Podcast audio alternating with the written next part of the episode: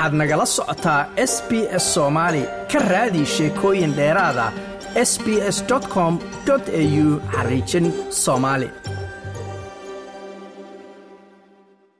waxaa masaajidka breston ee waqooyiga magaalada melbourne lagu qabtay barnaamij bulshada muslimiinta looga wacyigelinayay arrimaha xanuunka dhimirka. Kulanka ayaa waxaa ka hadlay xirfadlayaal xanuunka dhimirka iyo culumo. Waxaa xiriirinayay barnaamijka cabdicasiis cabdifaarax oo ah xoogayaha masaajidka breston waxaana cabdicasiis weydiiyey ujeedada laga lahaa barnaamijkan olajeedada barnaamijkan wuxuu ahaa in muslimiinta lagu wacyigeliyo xanuunka dhimirka in uu yahay xanuun la mid ah sida jirko kale xuduudna uusan lahayn dhaqanna uusan lahayn diinna uusan lahayn qof kastana si isku mid ah ay u saamayso marka waxay ahayd bilow wacyigelin oo loogu talagalay dadka muslimiinta ahi annagoo isku keenay qof professional psychologist ah oo ka hadla xagga maaragtay caafimaad ahaan u hadla iyo qof imaam ah oo sheekh ah oo ka hadla diinta islaamka waxa ay ka qabto iyo sida diinta islaamka ay u aragto xanuunka dhimirka. Waa garta maadaama aad xiriirinaysay marka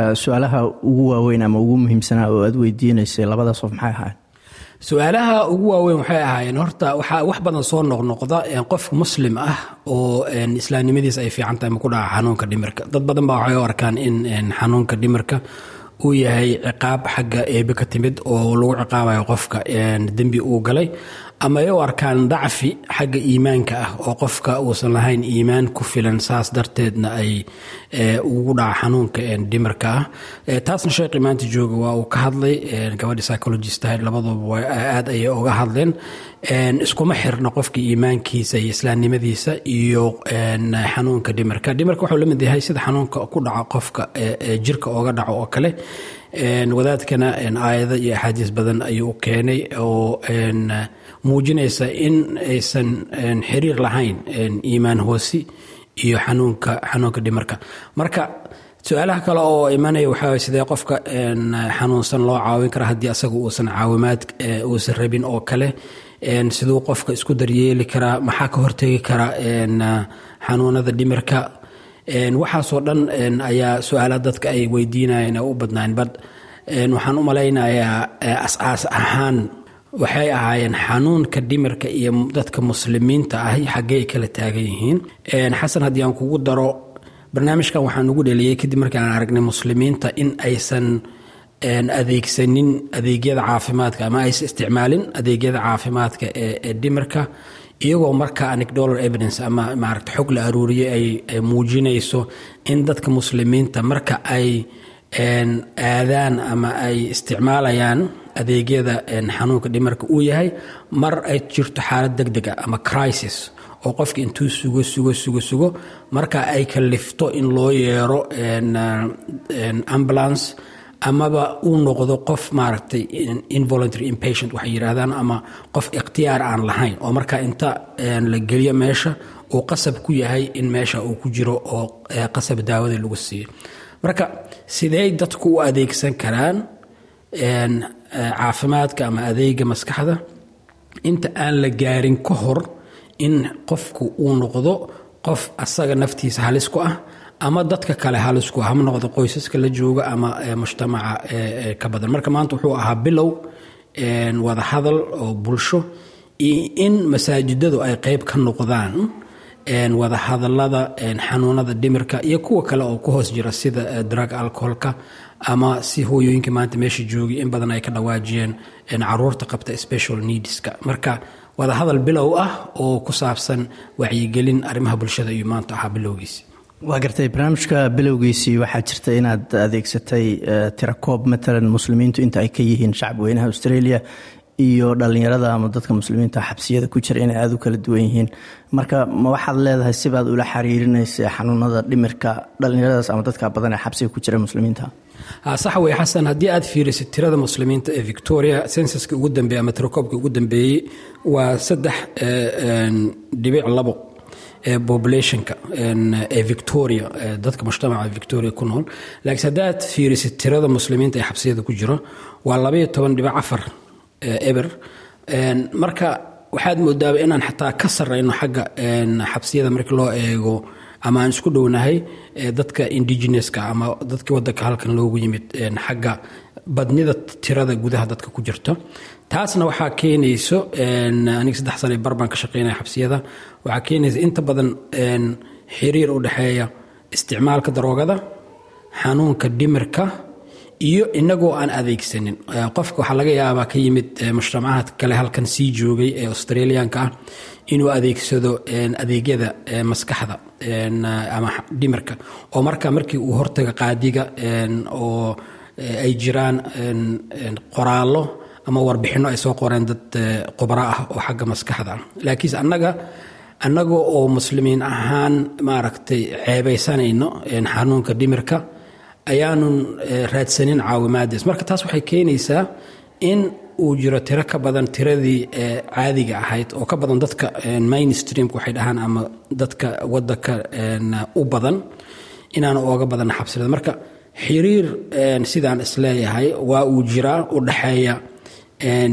xabsiga tirada ku jirta iyo dadka qaba xanuunka dhimarka ee muslimiinta ah ee laakiinse aan lagu diagnose garaynin ama aanan dhakhtar uusa ku cadaynayn inay qabaan xanuun dhimar. Marka ayadoo lala xiriirinayo in dad badan dhaqan ahaan ay u arkaan xanuunka dhimarka inuu ceeb yahay waxaa kaloo arkaysa in xanuunka dhimarka dadka intooda badan siiba soomaalida haddaan nahay waxaan u arkaanaa qofka waalaya hebel markuu leeyahy qof dhar dhigtay oo kale. Marka spectrum badan baa jiro oo u dhexeeya qofka in uu waasho oo uu maaragtay gaar heer wax uu kala garan waayo iyo intuu dhexayso gabadha psychologista waxay ka hadashay postnatal depressionka oo dumarka ku dhaco oo maarata markay umulaan oo kale anxietyska culayska nololeed ee waddamada galbeedka maadaama dhaqankii aan ka soo tagnay dadku ay isku tiirsanaayeen oo layska warqabay oo aanu nimid dhaqan qof kastoo nafta ay tahay oo qof kasta culayskiisa meeshiisa uu ku haysto. Iyo iyadoo aysan jirin adeegyo badan xagga muslimiinta dhexdooda oo keenayo in markaa dadku ay raadsadaan caawimaadka ay u baahnaayeen. Waa gartay barnaamijka dad badan baa ka soo qayb gala inkastoo haween ay u badnaayeen. Waxaad siiseen fursado ay su'aale inay ku weydiiyaan ama dadkii meesha su'aalaha ka jawaabaya maxaa ugu badnaa ama ugu muhiimsanaa baad isleedahay su'aalihii ayna weydiiyeen su'aalihii waxay u badnaayeen kuwo horta culus bay ahaayeen. Qaarkood qaarkoodna waxay ahaayeen kuwo guud kuwa culus oo kale waxay ka hadlaayeen maaragta qofka iswaxyeeleeyoo kale. Diinta islaamka maxay ka qabtaa ama naftiisa qaada ama naf kala qaada xanuun dhimarka dartiisa ah. Laakiin inta badan su'aalaha waxay ku saabsanaayeen sideen isku hortegi karnaa uga hortegi karnaa xanuunkan dhimirka ah sidee isku caawin karnaa. Waxaana soo baxday maanta ugu yaraan meesha hadda mowduuca aan ku jirnay. In uu soo baxay sawir ah in muslimiinta intooda badani adeegyada masaajidada ay bixiyaan. Dadka muslimiinta inta badan waxay isku xiran yihiin masaajidada. Soomaalida hadda aragta meesha keliya ay isku raacsan yihiin waa masaajid. Muslimiinta kalena sidoo kale waaye waxaa soo baxday maanta sawir ah in masaajidadu ay ka gaabiyeen adeegyada bulshaawiga adeegyada mujtamiciga ah sida xanuunka dhimirka oo kale iyo wacyigelintiisa iyo adeegiisa marka dadka intooda badan waxay ku saabsanaan xaggee laga helaa taageero xaggeen ka heli karnaa yaana caawin kara sideena loo caawin karaa marka taasna waa waxaan is leenahay waanu kala hadli doonaa masaajidada kale kolley breston oo anigaan qayb ka ahay waa bilow wuu jiraa barnaamijkaas waxaana lagu tala jiraa in la sii ballaariyo oo loo sameeyo dad dadka la taliyo. Marka soomaalida iyo dadka kale ee muslimiinta ahana waa ku wacyigelin doonaa khaasatan kuwa jooga masaajidada maadaama dadku ay maalgashteen masaajidada oo masaajidada dahabkooda dumarka ay u gadeen ayagu ay dhisteen. Sidii haddana maaragtay loogu loogu sii taageeri lahaa oo loo adkeyn lahaa adeegyada ay bixiyaan oo uusan u noqonin oo keliya meel qof raba inuu tukado ku tukado. Kadibna gurigiisu iska aado laakiinse ay noqdaan meela looga adeega mujtamaca danaha ay leeyihiinna looga fuliyo. Waa gartay waxaa kaloo ku jiray su'aalaha hooyooyin ka cabanaya in aabbayaashu aysan ka caawin gaar ahaan kuwa haysta carruur baahi gaara qaba oo matalan naafaa. Jawaab markaasi waafiya waxaan is leeyahay lama siin. Marka maxaad arrimahaas ma soo noqnoqdaan ma lays weydiiyaa in aabbayaashu ay ka maqan yihiin doorkoodii. Barnaamijyo noocaasana waalidka ama aabbayaasha lagula hadlase niyadda maynay ku jirtaa inaad ku soo dartaan barnaamijyadan. Xasan saa arkaysa intii badneed dadka meesha joogay waxay ahaayeen dumar. Inkastoo aan arkay tiradii rag ugu ballaareed ee barnaamij caynkana ka soo qaybgala maanta oo yimid haddana markii loo barbardhigo dumarka aad bay u way jirtaa arrintaas waalidiinta meel kasta wey ma aha mid ku kooban oo keliya xanuunka dhimarku haddaad tagtid meelaha waxbarashada haddaad tagtid xabsiyada haddaad tagtid barnaamijyada adeegyada daroogada iyo alkoholada. Inta badan dumar unbaa maaragtay socda oo ilmihii la daala dhacayo ayaga unbaa maaragtay noloshii la halgamayo. Waxaad moodaa in waalidkii aabbayaashii doorkoodii meesha uu ka maqan yahay oo aysan qayb ka ahayn nolosha ilmahooda. Haddii la sameeyo barnaamijyo saan oo kale ah annaga hadda af soomaaliya aan ku hadlaynaa muslimiinta kale marka laga soo tago khaasatan soomaali ahaan inta badan ma yimaadaan raggu meelaha looga hadlaya mowduucan oo kale soomaali ahaanna maanta aadan aadan ugu yareyn imaashaha halkan muslimiinta kale ayaa naga badnaa. Marka waa dhibaato jirto anigu waxyaaba badan baan maaragtay ku jiraa oo adeeg mujtamac ah. Markaad tagtid maxkamadaha oo kale hooyo unbaa socota. Markii aad tagtid treatmentiga barnaamij oo muslimiinta loogu talagalay baa jira oo dragon alcoholka ah. Hooyo unbaa soo wacaysa soomaalida khaasatan. Hooyo unbaa ooynaysa hooyo unbaa dhibka wata. Markii aa weydiista aabaha meeshuu joogana uu jirana waa joogaa. Magaaladu ayuu joogaa laakiin qayb kama aha. Hooyadiina waa dadaaleysaa waana tan keentay baan is leeyahay daraasad inkastoo aan laga samaynin in dadka intooda badan ee dhibka ku jira ay yihiin wiilasha oo gabdhuhu ay yihiin gabdho waxbartay soomaaliya haddaa fiirisid meelaha professional settingka oo shaqooyinka haddaa aragtid gabdho ay u badan yihiin jaamacada haddaa aragtid gabdho ay u badan yihiin. Iskuulaadka markaan la shaqaynana dadka ugu firfircoon buundooyinka ka fiican keena ay gabdhihiyiin marka waxaan is leeyahay taas waxaa keenaysa doorkii hooyada oo ay ka soo baxday laakiin doorkii aabihii oo maqan. Marka ma aqaan sidii taas wax looga bedeli karo laakiinse waa wax muuqda in muslimiintu guud ahaan soomaalida gaar ahaan ay aabbayaasha ka maqan yihiin doorkoodii ay lahaayeen inta badan shaqooyinka caadiga aan qabanno aabbuhu inta badan wuxuu yimaadaa sheekada soo galaa mar ay maaragtay arintii waxba aan laga qaban karin. Markaas buu ku soo wacayaa waxaan qaban karnaa inta horeyso oo dhan oo wax laga qaban karo hooyo ayaa jirto. Hooyadii waxyaaba maanta ay ka hadleen hooyooyinka meesha yimid. Waxaa ka mid ahaa culeyska korinta ilmaha in uu ayagu saaran yahay. Hadday noqoto isbitaal geyn hadday noqoto iskuulka inay tagaan. Taasna ay dhibaato u keenayso caafimaadkooda oo dhimarka iyo maskaxda. Marka waxaan kula buurin lahaa waalidiinta ragga ah ee aabbayaasha ah in ay arintaas wax ka bedelaan xasan waxaa kaloo jirto burburka qoysaska ku yimaado. Waxyaaba fara badan baan ka aragnaa. Burburka qoysaska ku yimaado markii ay aabbihii iyo hooyadii kala tagaan. Waagii soomaaliya la joogay hooyooyinka ayaa ilmaha ku tuuri jiray nimanka. Laakiinse hadda waxaad moodaa in uu isbedelay oo aabbayaashii hadda ay ilmihii ku tuuraan. Marka haddii la kala tegay waxaad moodaa in aabbihii ilmihiiba uu ka tegay oo furitaankii islaantii hooyadooda uu furay ayagana uu isla processkaas ku furay oo ku divorceka uu ku dhacay. Waana mas'uuliyad saaran aabbayaasha dad waa kala tagaan weligeedana kala tegi jireen.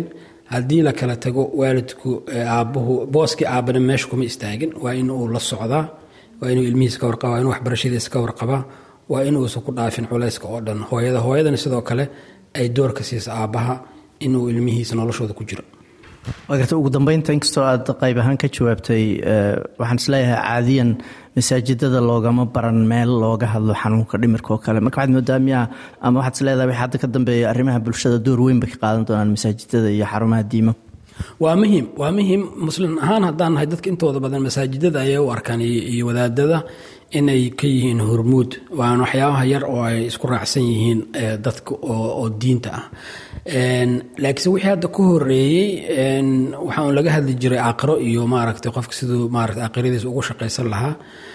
Tan aan rabna hadda inaan bedelno oan hadda halkan ka bilaabnay waxaa masaajidka masaajidada kalena aan jecelnahay inay nagu daydaan in dadku yani diinta uma soo degin aakhira oo keliya. Waxaa weeye sida adduunkana loogu noolaan lahaa aakhiran loogu shaqaysan lahaa. Labadaba waa muhiim in laga hadlo. Waxaa soo kordhay hadda arrimo badan oo mujtamici ah oo soomaali ahaan ku cusub. Yani waxaa ku cusub suicideka oo kale maarata qofki inuu naftiisa qaato oo kale.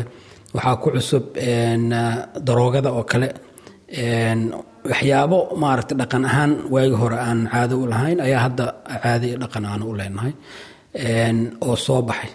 Jiil kastana jiilka ka dambeeyo waxa uu sii qaadanayaa waxyaabaha wadanka ay joogaan ee lagu arko. Marka wadanka hadda aan joogno afar milyan wax ka badan oo qof ayaa qaba xanuunka dhimirka oo subax kasta la soo toosa shantii qof qof ayuu ku dhacayaa noloshiisa ee wadankan marka wax ma aha fog ama wax maaragtay qariib ah. Waa wax joogo oo waaqici ah oo qofka uula noolaya marka masaajidadu waa in ay wixii waaqiciga ah marka nolosha ay ka qayb qaataan. Sida sheekha maanta uu ka hadlayeyna diinta waa ka hadashay caafimaadka dhimirka daawadiisana waa ka hadashay. Taas unbaa loo baahanya marka in culummadu ay sii wadaan wacyigelinta dadka loona adeego soomaali ahaan haddii aan nahay wadanka waa nimid. Inteena badan waxaa nimid shan labaatan sano ka hor.